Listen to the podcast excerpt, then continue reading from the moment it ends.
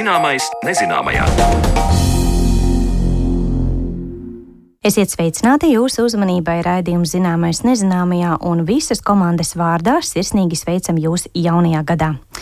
Tā ir tradīcija, ka gadu aizsākam ar gada putna cildināšanu, un šis gads nav izņēmums. Kas ir 2024. gada putns, ar ko tas īpašs, neparasts un kādēļ Latvijas ornitoloģijas biedrība to ir izvēlējusies tieši šogad, par to tad runāsim šodien raidījuma otrajā daļā. Taču līdz tam uzzināsim, kas notiek ar tiem gaiputniem, kuri dažādu iemeslu dēļ rudenī nav devušies uz siltajām zemēm. Vai putnu kompass ir salūzis, vai tomēr klimata pārmaiņas ietekmē to, kāpēc dažas gaiputnu sugas nelido uz ziemošanas vietām siltajās zemēs? Par to, kāpēc stārķi, gulbi un citi gaiputni redzami ziemojam Latvijā, manai kolēģei Zanē Lācei Baltalksnē stāsta Latvijas Universitātes Bioloģijas institūta vadošais pētnieks Mārtiņš Briedis. Decembra beigās tika manīti Baltijas stārķi Tukuma novadā. Jau labu laiku viens pārītis šo putnu uzturas Limbažu novada skultis pagastā, kur vietējie iedzīvotāji tos regulāri baro. Ik gadu mēs redzam un dzirdam par minētajiem stārķiem, arī gulbiem un mājas strastiem, kuri nedodas uz ierastajām ziemošanas vietām, bet izvēlas palikt šeit. Vai šie ir atsevišķi īpaņi, kuri ir slimi un vārgi un tāpēc nelido uz dienvidiem, vai arī ziemas pie mums kļūst siltākas? Abos gadījumos atbildes ir apstiprinošas, un vairāk par to, kāpēc ierasti gājputni izvēlas palikt savās likstošanas vietās, attālināti ierakstītā sarunā skaidro Latvijas Universitātes Bioloģijas institūta vadošais pētnieks Mārtiņš Briedis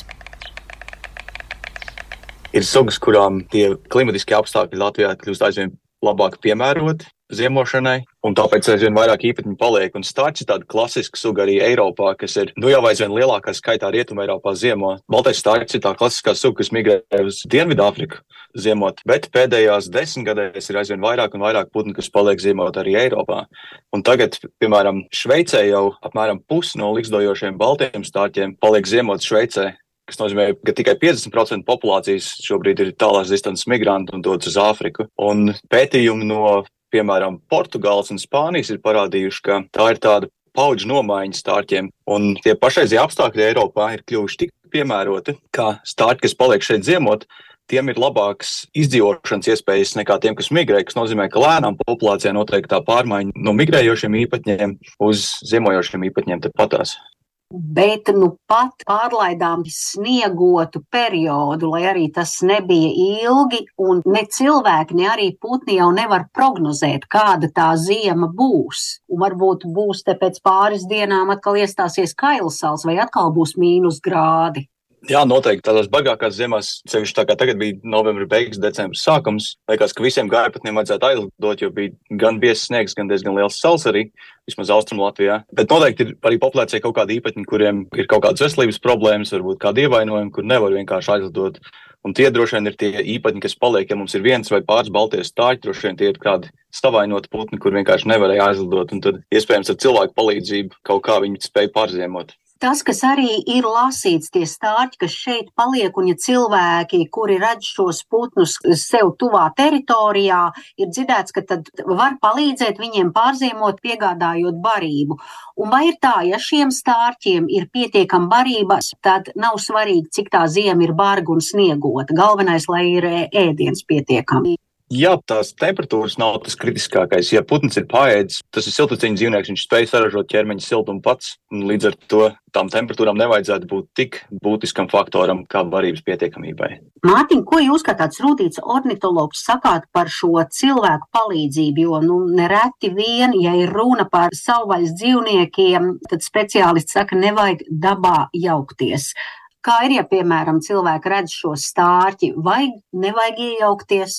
Tas vairāk tāds ētisks jautājums. Es domāju, ka mēs principā putnu barošana ir lielākoties mums par prieku. Es domāju, ka liels faktors un labs faktors tajā ir tas, ka mēs pievilinām dabu sev tuvu un mēs varam to novērot un līdz ar to arī mācīties. Un tā mūsu saprašana par to, kas dabā notiek, līdz ar to arī aug kas, manuprāt, ir labi. No otras puses, putniem, ja mēs domājam par putniem kā populācijām, nevis individiem, tā barošana droši vien pārāk lielu iespaidu neatstāja. Ir pētījumi, kas rāda, ka īpatņiem, kas nāk uz barotavu, ir labāks izdzīvošanas sekmes ziemā, bet uz tādu populācijas kopumu un populācijas dinamiku, es domāju, tas pārāk lielu iespaidu neatstāja, vai mēs barojam, vai mēs nebarojam. Bet, ja te mēs lasām arī Latvijā ziņas, ka lūk, tagad sākot no decembra sākuma jau, ka ir manīti tie stārķi, un ja cilvēki ir uzņēmušies to barošanu, tad tas ir jāturpina līdz pavasarim tomēr.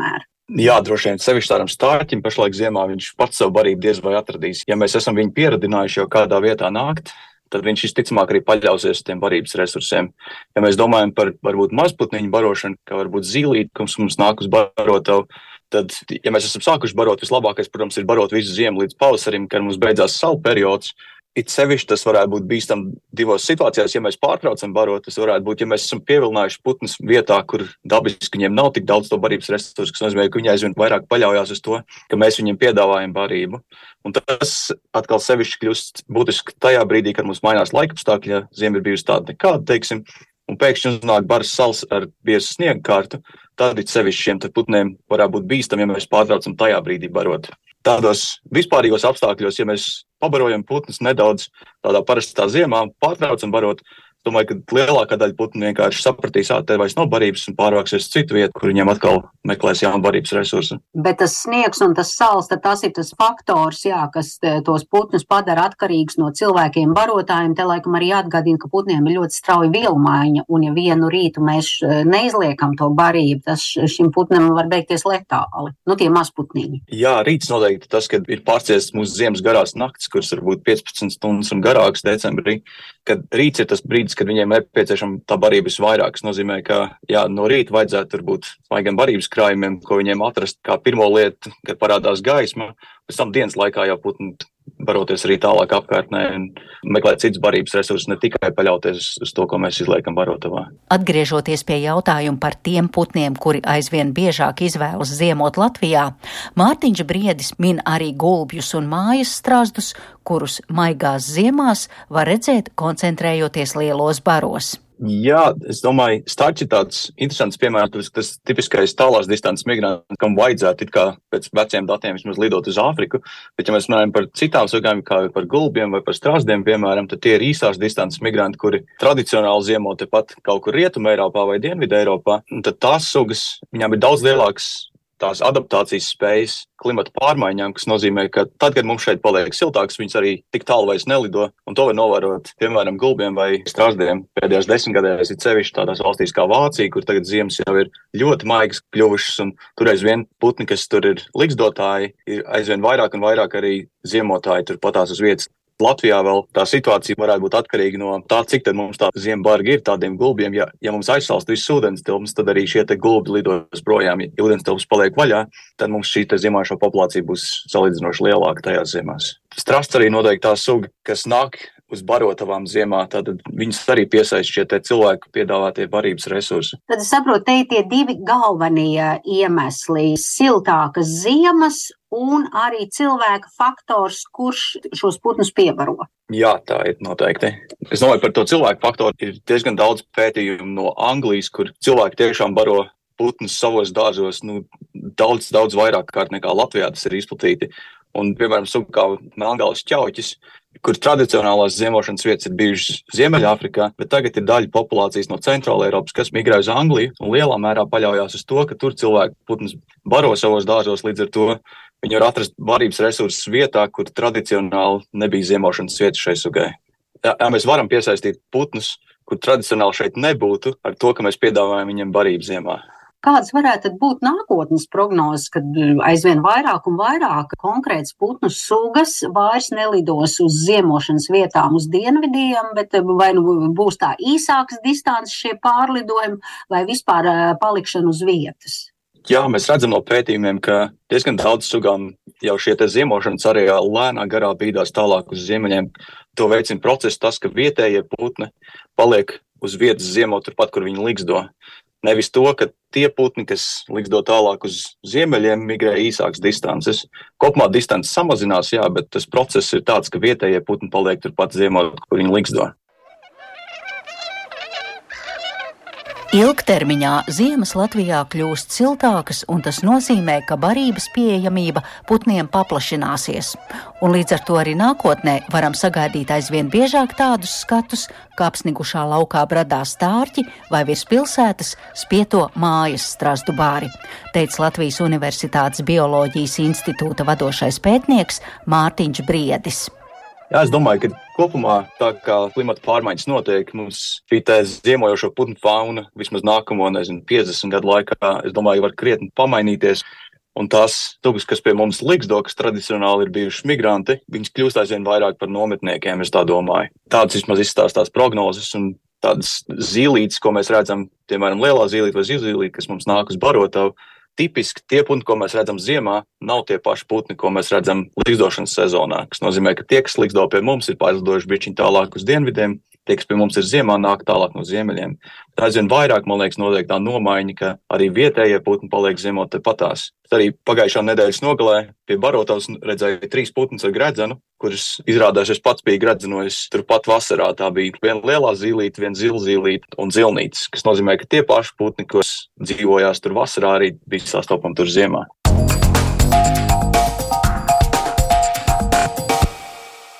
Tik tālu par gājputniem, kuri spiesti ziemot Latvijā, taču par šī gada putnu saruna jau pēc īsa brīža.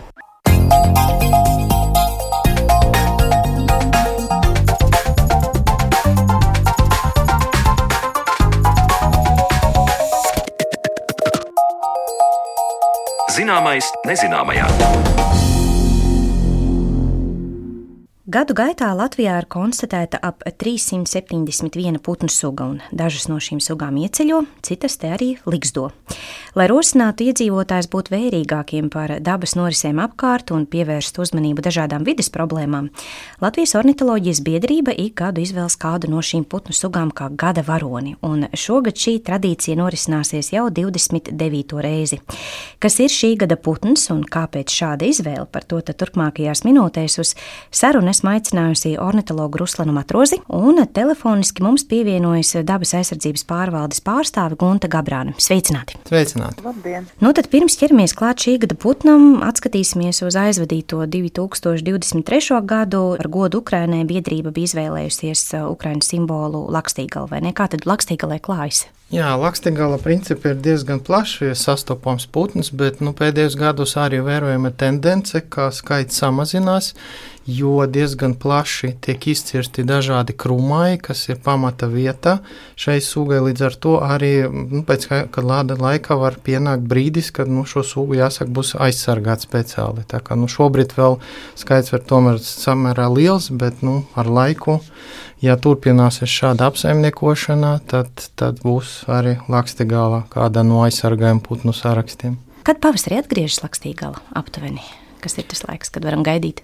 Lakstigalu ļoti grūti ieraudzīt, tāpēc pirmie novērojumi parasti mēs varam konstatēt pēc dziesmām. Te viņi uzreiz uzsāk dziedāšanu, parasti tas ir aprīļa pēdējās dienas un visvairāk māja sākumā. Mm tā kā vēl kāds laiciņš jāpagaida līdz lakstīgalai. Labi, nu tad Ruslana lūkšu jums paziņot klausītājiem, kas tad šogad ir gada putns. Jā, šogad uh, gada putna latīņu nosaukums ir Sternula albifrons, un visi mēs viņu zinām kā mazais zīriņš. Un jāsaka, albifrons nozīmē, ka uh, viņam ir balta piere. Tad, tad albus ir balts un, un fronts ir piere. Tad, tad zīriņš ar baltu pieri.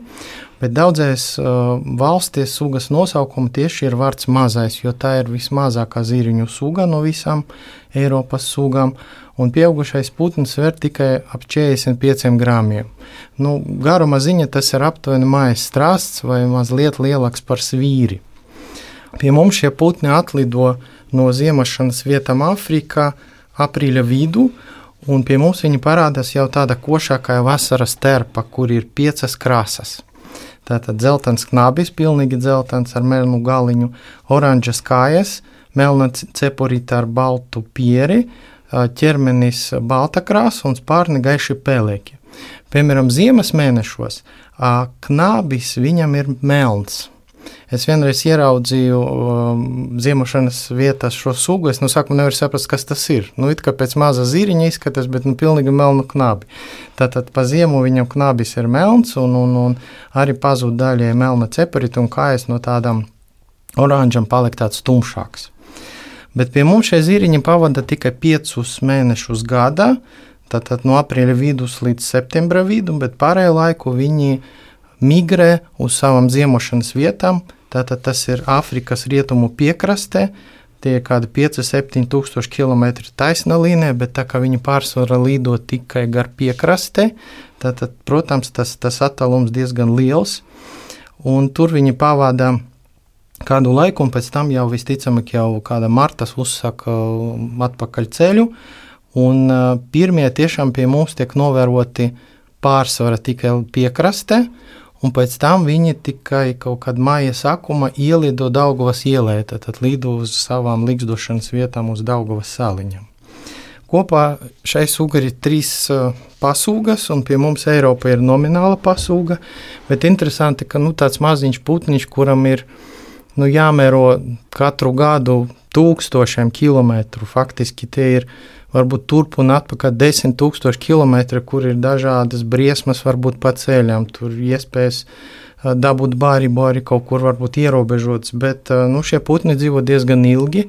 Vidēja populācija dzīvo ap desmit gadiem, bet nu, pēc gredzenošanas datiem ir zināmi pat tādi, kas nodzīvojuši līdz 21, 23 gadiem. Tā kā nu, barojieties faktiski tikai ar zīvīm, kuras ir nelielas, kā 3-6 cm garumā, šur tur arī ar vēžveidīgajiem, bet uh, Uh, nu, viņi nodrošina sev diezgan tādu garu dzīvi un lielu migrācijas ceļu. Kaut gan, principā, viņi varētu arī tik tālu nelidot, jo nu, šādas mazas ziftiņas var atrast arī, piemēram, vidusjūras piekraste, bet nu, vēsturiski izveidojas tā, ka viņi lido diezgan tālu.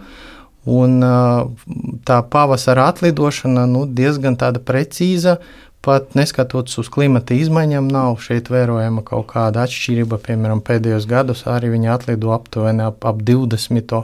aprīlī. Mm -hmm.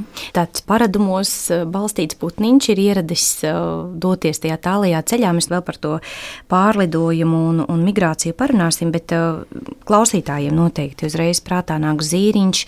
Nu, zīriņi ir tie, kurus bieži redzam kopā ar kājām kaut kur pludmalē esot. Tātad, ja meklējam mazo zīriņu, tad jāskatās uz maza izmēra putniņu putniņu pareizi. Tā ir tā galvenā atšķirība starp pārējiem. Jo ir jau daudz zīriņu, vai ne? Upes zīriņš un, un jūras zīriņš, un kādi vēl tik nav. Jā, pārsvarā, protams, piekrastē būs uh, redzamas citas ziriņa sugas, pārsvarā būs upes ziriņš, bet, nu, tiešām, ja paskatīties uzmanīgāk, tad pirmkārt ziriņš ar pilnīgi dzeltenu knābi būs tikai viens. Ir vēl cekulu ziriņam dzeltens knābis, bet tikai pats gals, pats, pats uh, knābis būs melns, bet galiņš būs dzeltens. Bet šim zīriņam būs pilnīgi dzeltens knabis, pie tām šo sugu var diezgan viegli atšķirt. To faktiski nevar sajaukt. Ja var salīdzināt, piemēram, ar citiem zīriņiem, viņš ir maziņš, viņš ātri lido, viņš tā kā taurentiņš aizlido, un, un, un bieži viņam raksturīgi, ka lidot gar piekrasti, viņi tā kā uz vietas plīvinās, skatoties apakšā, kur viņi ierauga kaut kādu ziftiņu, tad viņi pikē ļoti ātri un ļoti ātri aizlido. Tas ir tiešām tāds ļoti skaists interesants un, un putns, kuru nu, diezgan salīdzinoši rētā arī pie mums var ieraudzīt. Piemēram, uh, nu, diezgan regulāri braucot putnos, nu, dažas reizes gadā es, es viņu tikai redzu. Tā, kā, nu, tā arī zināma veiksme, ja kādam izdosies šo sugu ieraudzīt.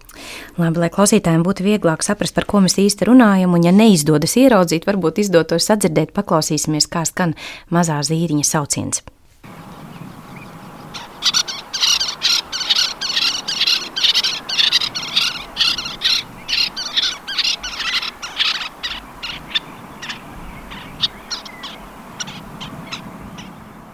Tāds kluss, apspiests, skaists ķērciens, daudz filigrānāks. Ne tas, ko esam ieraduši dzirdēt Rīgas rītos vasarā. Zīriņš ir ūdens putns. Šai sugai ir raksturīgs tāds, ka visvairāk viņu, protams, var redzēt Latvijas piekrasti un pie mums Daugavas ielē, kur viņa liks uz mazajām sāliņām. Bet uh, lielāko daļu dzīves šie zīriņi pavada tieši jūras piekraste, un uh, nu, tas vairāk uh, pieskaitāms pie, teiksim, nevis pie ūdens putniem, bet pie ūdeņu putniem saistītiem ar ūdeni.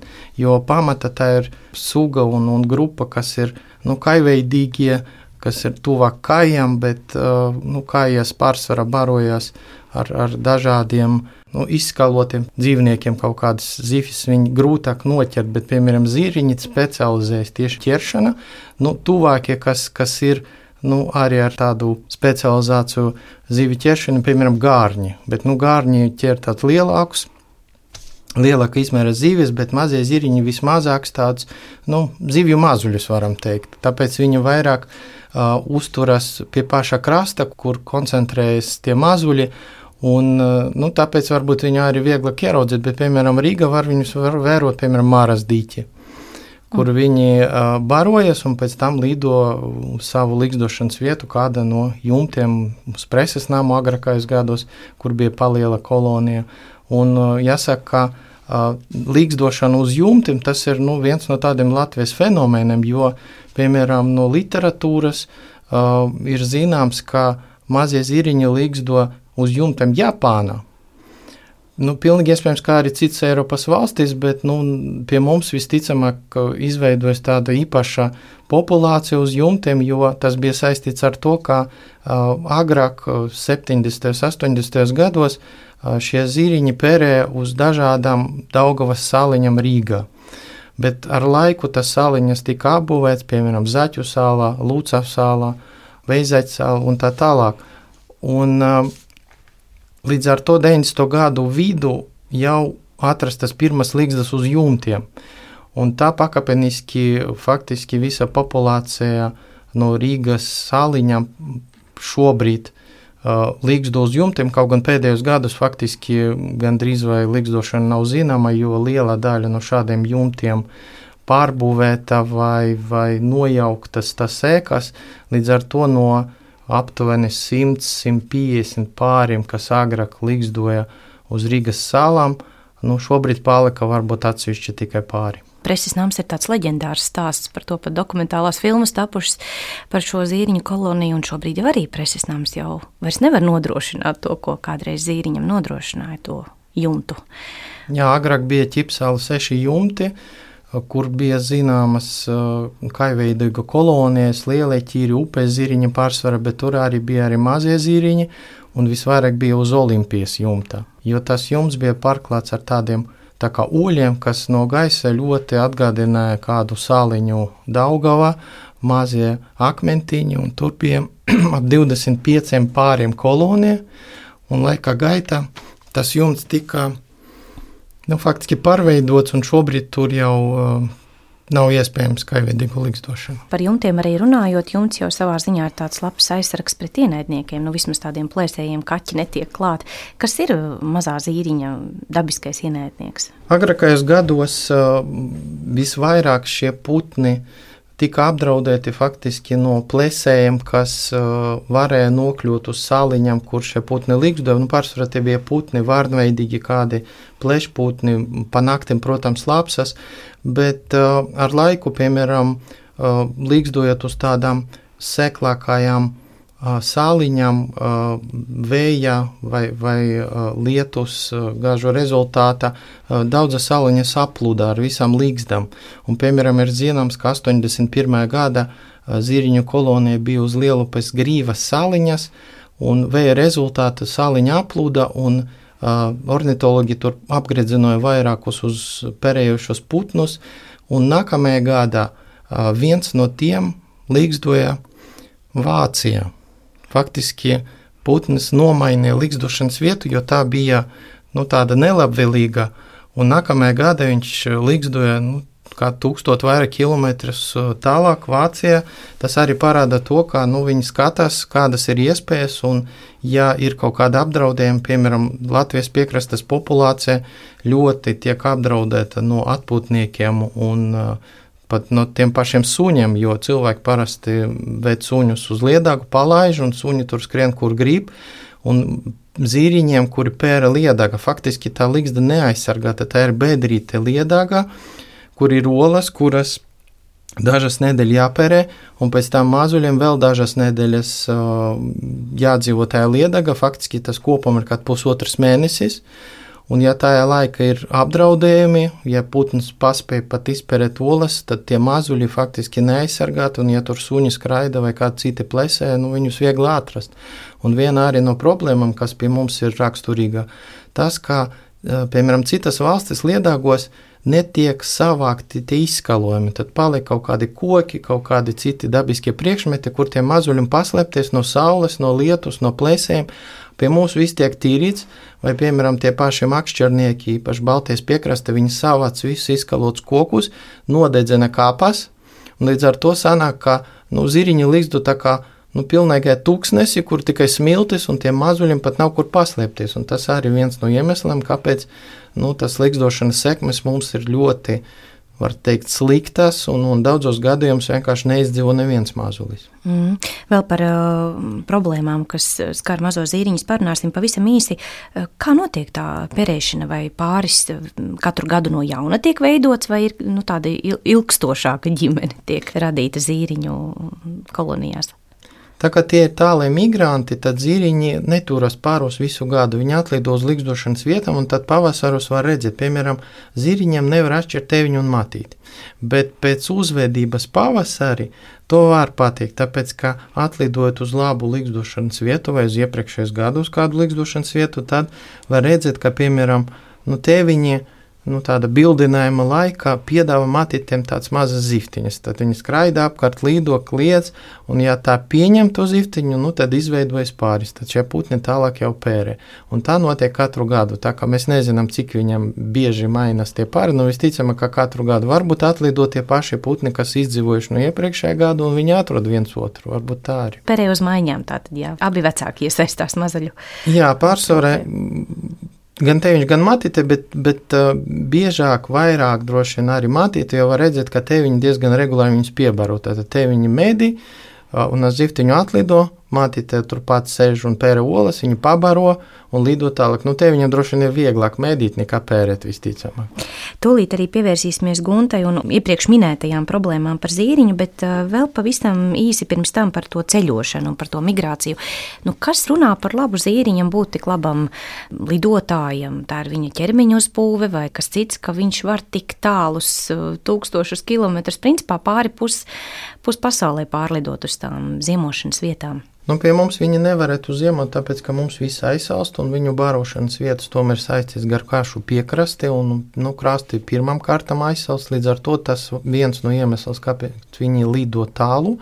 Bet, nu, acīm redzot, viņam arī ir iespēja, piemēram, no Āfrikas uh, piekraste nu, ziemas perioda nu, atrast pietiekami daudz barības, lai tur varētu ziemot. Nu, faktiski tur visa tā populācija plus citi zīriņi. Tā kā nu, visticamāk tā barošanas iespējas um, viņi izmanto un tāpēc viņi lido tik tālu. Vai ir zināms par to, nu, kā viņus sagaida tajā pusē? Mēs esam runājuši par citiem putniem, par melnajiem stārķiem un daudziem citiem gājputniem, kur atkal medību paražas ir citādākas, vai ir zināms par zīriņiem, kā tur viņiem klājas aizlidojot. Mazie zīriņi tur ziemo diezgan plaša teritorija, faktiski no Afrikas ziemeļiem līdz, līdz gandrīz vai dienvidiem, līdz ar to Tur nav tādas koncentrācijas kā dažiem citiem putniem, kuri spiesti lidot un baroties kāda konkrēta vietā. Un es domāju, mazais zīriņš tomēr ir maziņš, un viņš nav interesants vietējiem, kā kaut kāda partika, piemēram, vai, vai kaut kādi citi um, spalvas. Viņam nav tik krašņas, pat, pat viņa knabi, viņam paliek melns, var droši vien, var, lai nepiesaista uzmanību varbūt.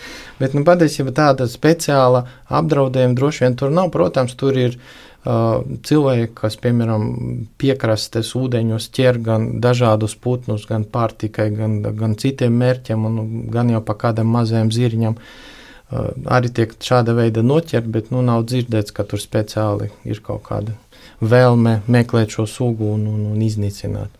Jā, būt mazam, vienkāršam un dažreiz varbūt nemanāmam ir laba, laba izdzīvošanas stratēģija. Jā, kāda ir tā mazā zīriņa populācija tad šobrīd Latvijā? Ko zinām, cik mums ir likstojošu zīriņu Latvijā šobrīd? Nu, jāsaka, ka šī suga ir ļoti plaši izplatīta faktiski pa visu Eiropu, no Portugāles līdz Urāliem, no Somijas līdz Turcijai. Viņi izvēlēs ļoti specifiskas likstošanas vietas, uh, Pārsvarā tas ir dažādu upju uh, ielējas, kur viņi likdos sāliņam un, un, un var redzēt pat Eiropas likstošu putnu Atlantā, ka viņi ir visur, bet nu, pārsvarā tas likstošanas vietas ir uh, saistīts ar, ar upēm. Un uh, skaits uz tik milzīgu teritoriju ir ļoti neliels. Eiropas mērogā tas ir no 36 līdz 53 tūkstošiem pāru tikai. No tā visa daudzumā Latvija ir tikai 70, 100 pāri šobrīd. Kaut gan uh, vēl kādus 40 gadus atpakaļ, kad uh, Daugavas saliņas nebija tik aizbūvēts un, un, un transformēts, degradēts, pie mums līgzdoja kādi 300 pāri. Tad, tad mēs varam teikt, ka 40 gadu laikā skaits samazinājies uh, trīs reizes, un, un šobrīd tā līgzdošana pie mums arī koncentrēta uh, pamatā. Uh, kolonijas ir Latvijas piekrastes, ir Baltijas vairāk piekrastē, pie Ventspils, pie Užavas, jo, piemēram, agrāk bija gan Salatsgrīva, gan Kuivīžos, Ainažos, tur faktiski vairs nekā nav, ir pārāk daudz atputnieku, un uh, Daugavas saliņas, kas vēl ir saglabājušas, jo agrāk viņa līgzdoja pirms visu hesu uzbūvēšanas, piemēram, uz saliņam pie Ikšķelēs, pie Salaspils, protams, šis vietas jau ir apludināts, un šobrīd ir zināmas kādas sešas kolonijas tikai no Jersikas līdz Baltkrievijas robežai. Tad, tad, tad tur, kur Daugava palikusi dabiskajās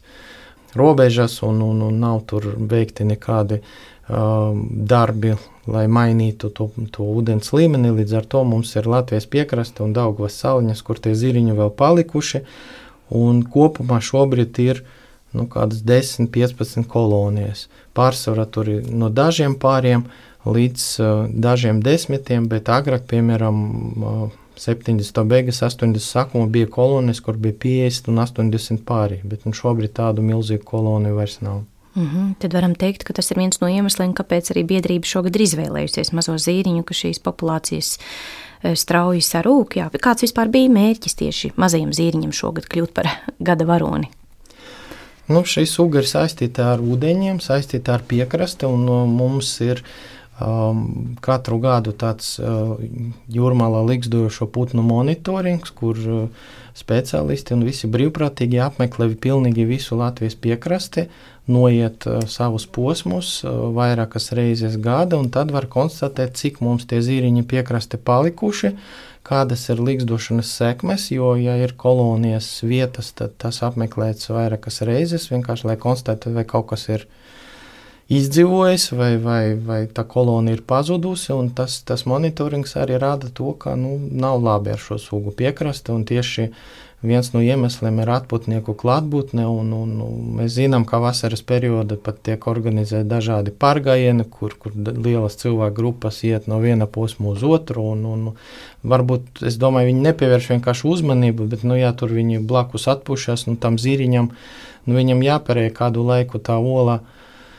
paliek bez teiksim, aizsardzības, un uh, tur apkārt ir vārnas, tur nu, tie paši suņi un tā tālāk. Tā kā visticamāk mūsu Latvijas piekrastē uh, zīriņu populācija ir ļoti apdraudēta, un, un viens no iemesliem tam ir arī kāpēc uh, dabas aizsardzības pārvalde pēdējos gados organizē tādas speciālas akcijas, uh, liedzot likstošanas laikā apmeklēt vairākās piekrastes vietas, piemēram, to pašu Gaujas grīvu pie Rīgas, jo vēsturiski tur mazie zīriņi likstojuši nu, vismaz kopš 1962. gada. Tad, tad pirmā ziņa, ko mēs esam atraduši, ka tur jau bija kādi desmit pāri, un pēdējā līgzdēs viņu atrada 2010. gada. Tad, tad ap kolonija bija um, ļoti ilgstoši apdzīvota, faktiski 50 gadus, un, un, un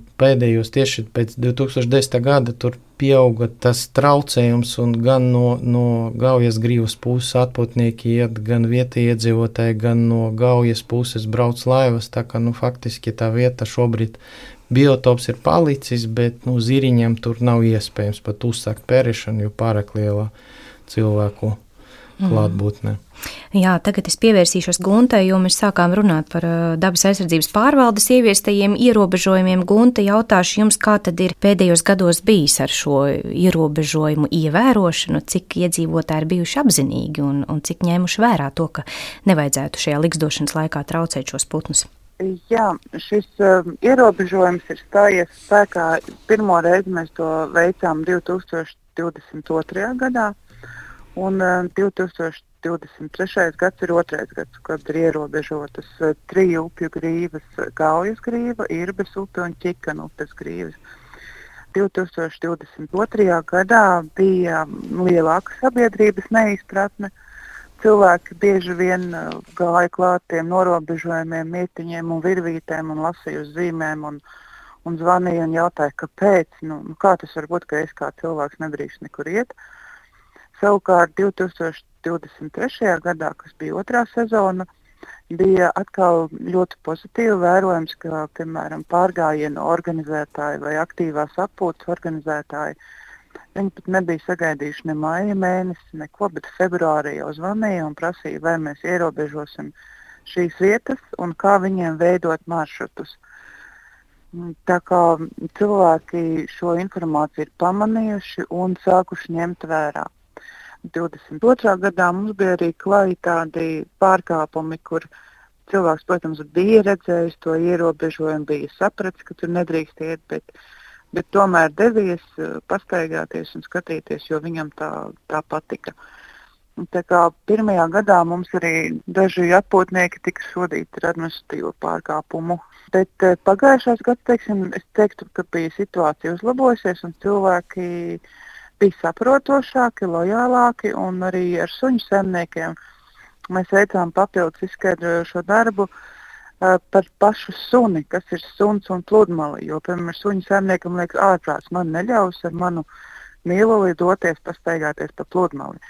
Un tad mēs runājām ar mm, dzīvnieku fizioterapeitiem un stāstījām suņu saimniekiem, ka vispirms jau arī jādomā par suņa labbūtību. Jo, uh, kad suns ļoti intensīvi skrien pa smiltīm, pa visādiem jocīgiem segumiem. Viņam papildus tiek noslogotas locīte uz mugurkauls un, un papildus teiksim, fiziskā slodze, kuras pat suņa saimnieks var nepamanīt, un tad rodas veselības problēmas.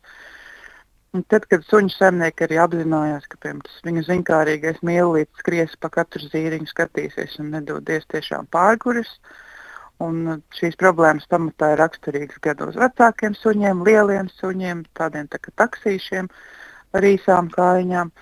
Tad arī suņu saimnieks saprata, ka ap tiešām nekādas vajadzības nav pat visā putnu līdošanas sezonā iet ar, nu, doties speciāli ar suņiem uz pludmali.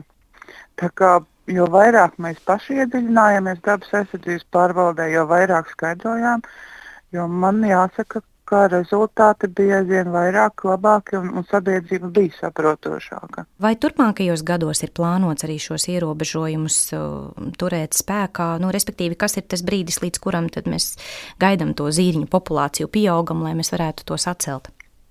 Nu, mēs dabas aizsardzības pārvaldē runājam, ka mēs gaidīsim līdz rezultātam, kamēr mums būs stabila kolonija. Bet, uh, protams, Ruslans to varētu uh, prognozēt, pēc cik gadiem tas notiks, bet arī šogad mēs, protams, eh, ierobežosim pludmales. Un šo perēšanas laiku lūgsim cilvēkus tur neiet. Būs arī zīmes, būs arī stabiņi un, un virvītes izvilks, lai tiešām ir fiziski saprotams, ka tālāk iet nevajadzētu. Bet, nu, man šķiet, ka vismaz desmit gadi mums tas būs jādara, lai pa koloniju varētu atgriezties. Ruslan, kā jums liekas? Maziem zīriņam raksturīgs tāds moments, ka viņi nelīgsto katru gadu. Respektīvi, kolonija var būt apdzīvota, bet nu, vienu, divus, trīs gadus tur nebūs nekā, un pēc tam pēkšņi tur var parādīties 10, 20 pāri. Tas droši vien atkarīgs no tā, kāda ir ziemošanas rezultāti, cik daudz tādu līgzdotāju uh, atlido un uh, Jāsaka, zīriņa līgstu no 2, 3 gada. Tad, tad pirmo tādu vasaru viņi pavada turpat Āfriku un pēc tam atgriežas. Ja viņi atrod varbūt labāku vietu kaut kur pa ceļam, kā tas gadījums no Lielupas gribas zīriņš pārcels uz Vāciju, nu, iespējams, ka viņi līgstos citur. Piemēram, mūsu leišu kolēģi pēdējos gados realizē tādu lielu life projektu, izveidojot speciāli zīriņiem un maziem zīriņiem mākslīgas salas ņemunas upēs ielējā un viņam tur skaits pieauga kādas divas reizes. Tātad uh, gan tādi ierobežojumi, tad viņu saliņam arī uzlika tas zīmes, ka šeit nedrīkst atrasties līgzdošanas laika, ka tur ir ziriņi un tā tālāk.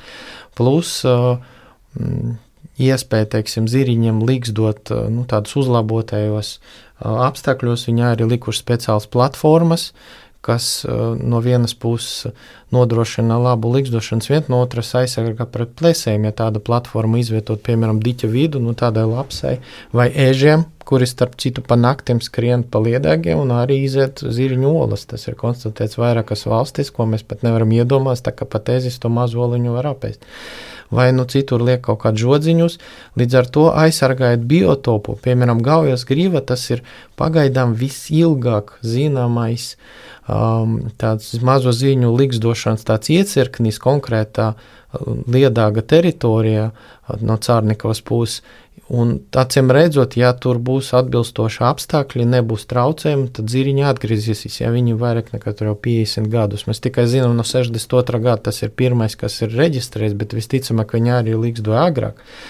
Un, un, ja būs nodrošināti šādi labi apstākļi liksdošanai, tad noteikti viņi atgriezīsies. Vai bez zīriņiem vēl ir cita putni, kas arī liksto šajās vietās, un kuru teikt, labklājība arī varētu uzlaboties, ja cilvēks tur nebūtu? Jo runājuši par suņiem, pludmalēs un vispār par atpūtniekiem. Pludmalēs mēs esam diezgan daudz, ir taču lērums putnu, kuri perē smiltīs, un varbūt kāds cits arī gūst no tā labuma, kā ir ar tām citām sugām.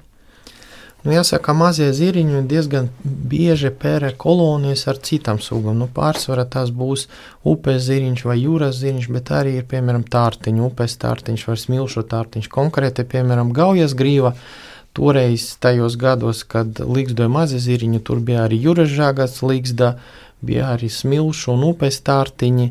Uh, mazliet tālāk kāpēc spērē arī stepes čipstes, tā kā tā ir tāda uh, grupa no sugām, kas pie mums apdzīvo piekrastes biotopus un kopumā vērtējot arī šim sugam klājas ne īpaši labi, jo tiešām cilvēku klātbūtne liedāgos pieauga un mums ir piekraste, kur var mierīgi jebkura vieta iziet krastu un pastaigāties faktiski izņemot varbūt dažu lielu upju grīvas, viena taisna virziena un Baltijas piekraste ir ļoti labs piemērs, ka smilšaini liedāgi ir nu, tāda agrāk bija izcīla likstošanas vieta, vēl kad bija padomju robeža no Mersrāks eh, līdz Nīdai. Tad eh, ornitologam bija iespēja tur nokļūt, un tur kā trīs reizes vairāk pērēja nekā, piemēram, šobrīd. Un tagad tiem pašiem tārtiņiem vairākas vietas konstatēts, ka viņa līgstu nevis liedāga vidu, kur viņa agrāk līgstu, bet vairāk kāpas. Tas ir viens no iemesliem, jo cilvēki tomēr pārvietojas vairāk gar ūdens malu, un putniem ir drošāk varbūt tālāk pie kāpas vai, vai vienkārši kāpas līgstot. Ja viņi spēj tur izpērēt olas un izaudzināt mazuļus, nu kaut kāda populācija tur vēl pastāvēs. Tā kā jebkura gadījumā tā vienas sugas aizsardzība, konkrēti, piemēram, maza zīriņa, palīdz arī citām sugām, kas saistīts ar to un, un palīdz kopumā nu, uzturēt to mūsu Latvijas piekrastes likstošu putnu populāciju. Gunta, vaicāšu arī jums, nu, klausītājiem, lai būtu skaidrs, kurš ir tas laika posms, kad uh, labāk piekrastēs un it īpaši šajās konkrētajās vietās noteikti nerādīties. Tātad līdz maijam drīkst iet uz jūru. Aizlieguma pamatā mums ir no 1. maija līdz 31. jūlijam tad uz uh, vasaras uh, beigu pusi jau tad atpūtnieki un aktīvās jā, dabas cienītāji var iet. Jā, augusts jau vairs nav tik, tik vitāli svarīgs perēšanas periodam. Bet nu, tieši var teikt, ka janvāris, februāris būtu tie labākie mēneši, kad uh, doties pie jūras, kad gribās skriet ar suņiem kopā, paskrēdīties un patrokšņot. Pamazām noslēdzot mūsu sārunu, vaicāšu Ruslanam, nu, ko tad šogad biedrība ir plānojusi saistībā ar mazo zīriņu. Es zinu, ka katru gadu par godu gada putnam ir bērniem veltīts zīmējuma konkurss pareizi. Kas ir šogad iecerēts? Nu, es domāju, ka bērni arī zīmēs mazo zīriņu, jo tiešām viņš ir skaists. Protams, būs arī turpinājums tam monitoringam un izskaidrojuši darbu sabiedrība, kāpēc tomēr piekraste mums nu, jāuzturas diezgan uzmanīgi, īpaši līgzdošanas laika, jo tiešām daudzi cilvēki nesaprot to un viņi domā, ka viņi, piemēram, guļ uh, liedāga un pēkšņi tur kāds putns dzied vai, vai piesaista uzmanību, viņi priecēs, ka rekur dabā apkārt, nu patiesībā tur varbūt divu metru tālumā ir putna līgzda. Un, ja putns netiks pie tās līgstas, un, piemēram, ja tur būs mazuļi, nu, tad visi mazuļi visticamāk pēc dažām stundām aizies bojā. Jo, piemēram, tādam mazajam zīriņam nu, dienas laikā vecāki atlido kāds 50, 60 reizes pabarot. ja tur ir vairāki mazuļi, jo, piemēram, tie paši ziriņi, viņi pēc um, izšķelšanas, kas notiek dažu dienu starpību, tāpēc, ka trīs olas un parasti tur katru dienu pa kādai olai, Un, un tad dažu dienu vecuma viņi jau skrien pa visu liedāgu un slēpjas. Viņi nesēž līgzda, jo tā līgzda, kā jau teicu, tā ir bedrīte. Tur pilnīgi viņi ir redzama, un tad tie mazuļi skrien pa liedagu, pa kāpām un kaut kur slēpjas. Tāpēc tam pieaugušiem vēl jāatrod tas mazulis, un ja tur ir liela kolonija, tad tur ir piemēram kādi 10, 15 pāri, tad tur var būt kādi 30 un vairāk mazuļi. Un, un, un, un tas arī aizņem laiku, bet, nu, jebkurā gadījumā tas, tas laiks, ko norādīja, tas tie trīs mēneši, patiesībā ziriņu tikko atlidošai sugai raksturīgi, ka viņi uzreiz saka paru veidošanu. Protams, tas paies laiks, kamēr tur atlidos tēviņi, matīts, kamēr viņi visu um, atradis kaut kādas labākas vietas, kur līgzdot tēviņš, matīti un tā tālāk.